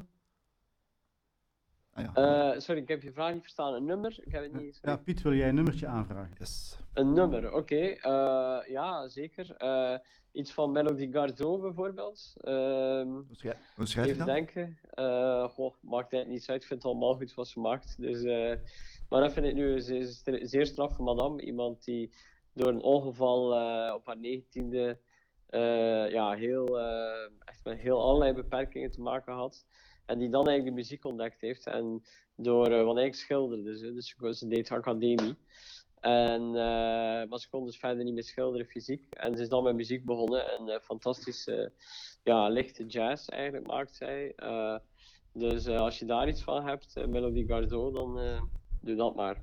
We hebben Morning Sun, we hebben Worrisome Heart, If You Love Me. Maakt ja, het echt niet uit? eh, ja, doe maar, ja doe, eh, doe maar die eerste. Oké. Eh, Morning Sun, was het, hij zei? Morning Sun, klopt. Ja, doe die maar. Ja, dat is allemaal En- goed. Wilt jij nog aan de laan... lijn- de laan, ja. Antwerpers naar boven. Ehm, aan de lijn blijven na het nummer, of heb je er genoeg van? Maakt mij niet uit hoor. maar ik heb nog tijd tot zijn. 8 uur in ieder geval. Dus, Mhm. En het is nu... Ah ja, het is al bijna acht. Shit. Mooi. ja. Tijd vliegt al, u amuseert. Ja, zeker. Oké, we kunnen dan na dit nummer afsluiten. En met ons vier. hè. Prima. Oké, geniet van het nummer.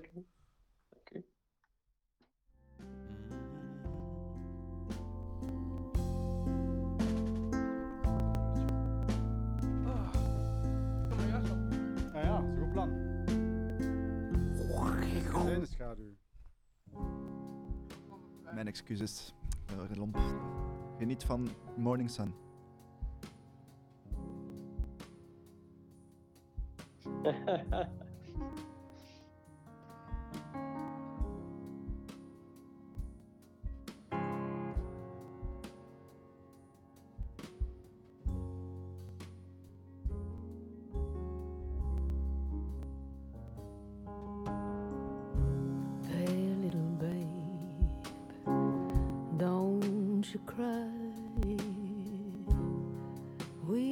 that sunny morning waiting on us now. There's a light at the end of the tunnel. We can be very free. Just take it from me. Honey child, let me tell you now, child. That morning sun here to greet us with a loving light so warm. That morning sun is here to meet us waiting on the waking up of everyone. Mm, she ain't gonna quit till you're smiling now. Tell you, child. Let me tell you, honey, child. That morning sun has come to greet you. She's peeking round the corner, just waiting just to meet you. Shining down on all your troubles. Let me tell you, child. Let me tell you, honey, child. Cause this world wasn't made for dreaming. This world wasn't made for you. This world made for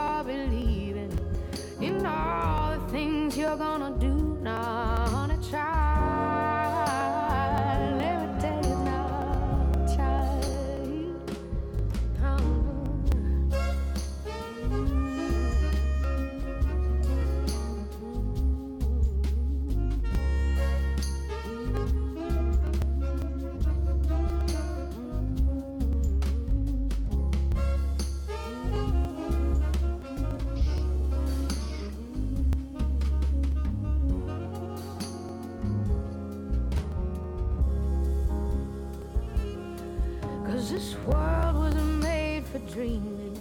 This world wasn't made for you. This world made for believing in all the things you're gonna do now, honey child. Let me tell you now, child. Ah, honey child. Let me tell you now, child. Ah, honey child.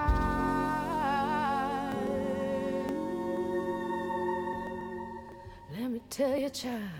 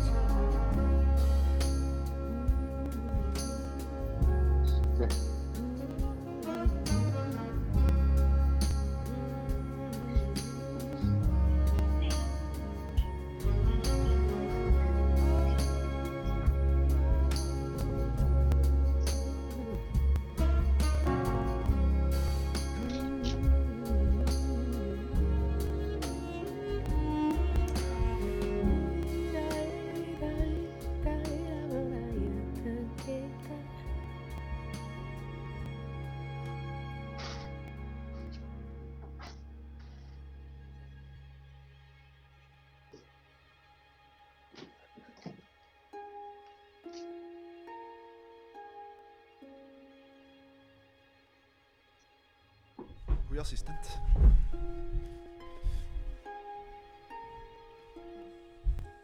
Is Piet nog bij ons? Piet? Ja. Alright, cool. Ja. We hebben nog eh, zes minuten tegen dat het acht uur is. Dat is eh, het einde van de show. Dus ik stel voor dat we, eh, dat we gaan afsluiten samen. Een schepje bovenop. Eh, merci Niel en Villa Bota eh, voor de goede assistentie en voor deze kans. En Beno Schrapen, Tane, Piet, allemaal heel erg bedankt om eh, erbij te zijn. Ehm, en ik hoop dat we het eh, thema inclusie toch wat beter kunnen ehm, laten gewaar, ja, duidelijk maken aan eh, Ja. de maatschappij. Zeg ik dat verkeerd, ja? Ja, laten indalen, hè. De, en het zijn vooral ook de jongeren die het moeten, eh, moeten meedragen, hè. Ah, dat is de toekomst, En hè? mee moeten uitdragen, eigenlijk. Hè. Dat is Mhm. wel belangrijk, ja. Inclusie is belangrijk. Klopt. Ik ga ook nog wel re- reclame maken voor mijn, eh, voor mijn voor non-profit organisatie waar dat ik vrijwilligerswerk doe. Immens, wij doen van alles, ehm, maar ja. Wilt je, wilt je wat spieren kweken en eh, beter jezelf leren kennen en geduld kweken? Ga dan zeker eens gaan wandelen met mensen in een rolstoel, want je, je maakt een wereldverschil voor die mensen. Je kunt niet voorstellen hoe dankbaar dat die zijn.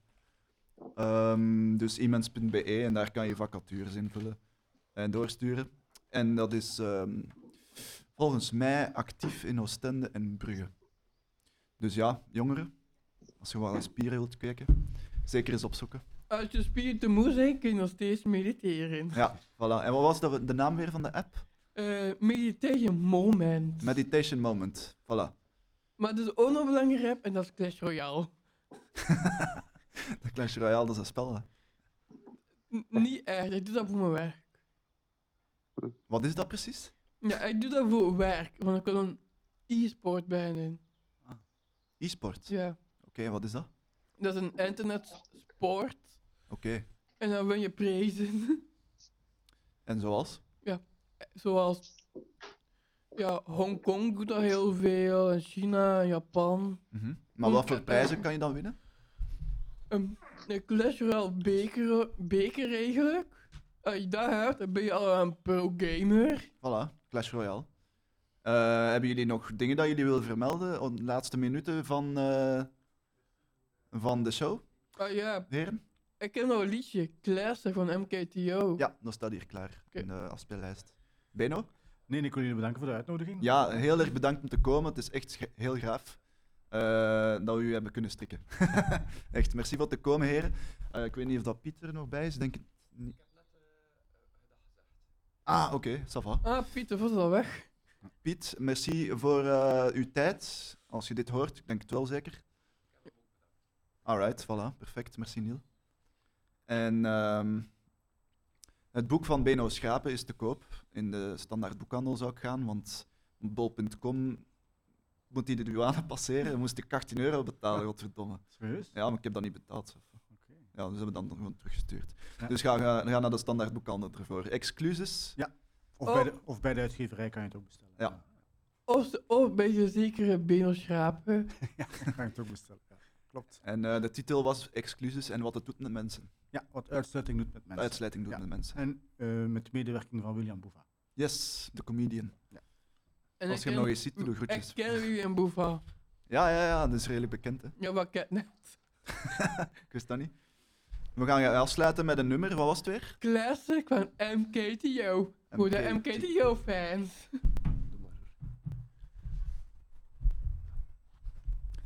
Mijn naam was... Mijn naam was Cas. Merci voor het luisteren allemaal. En jullie kunnen mij terug donderdag horen om 12 uur. Met Dag der Dunderdagen. Ehm heren, nog eens bedankt. En hier komt... Um, worrisome Heart even. Hey, nobody.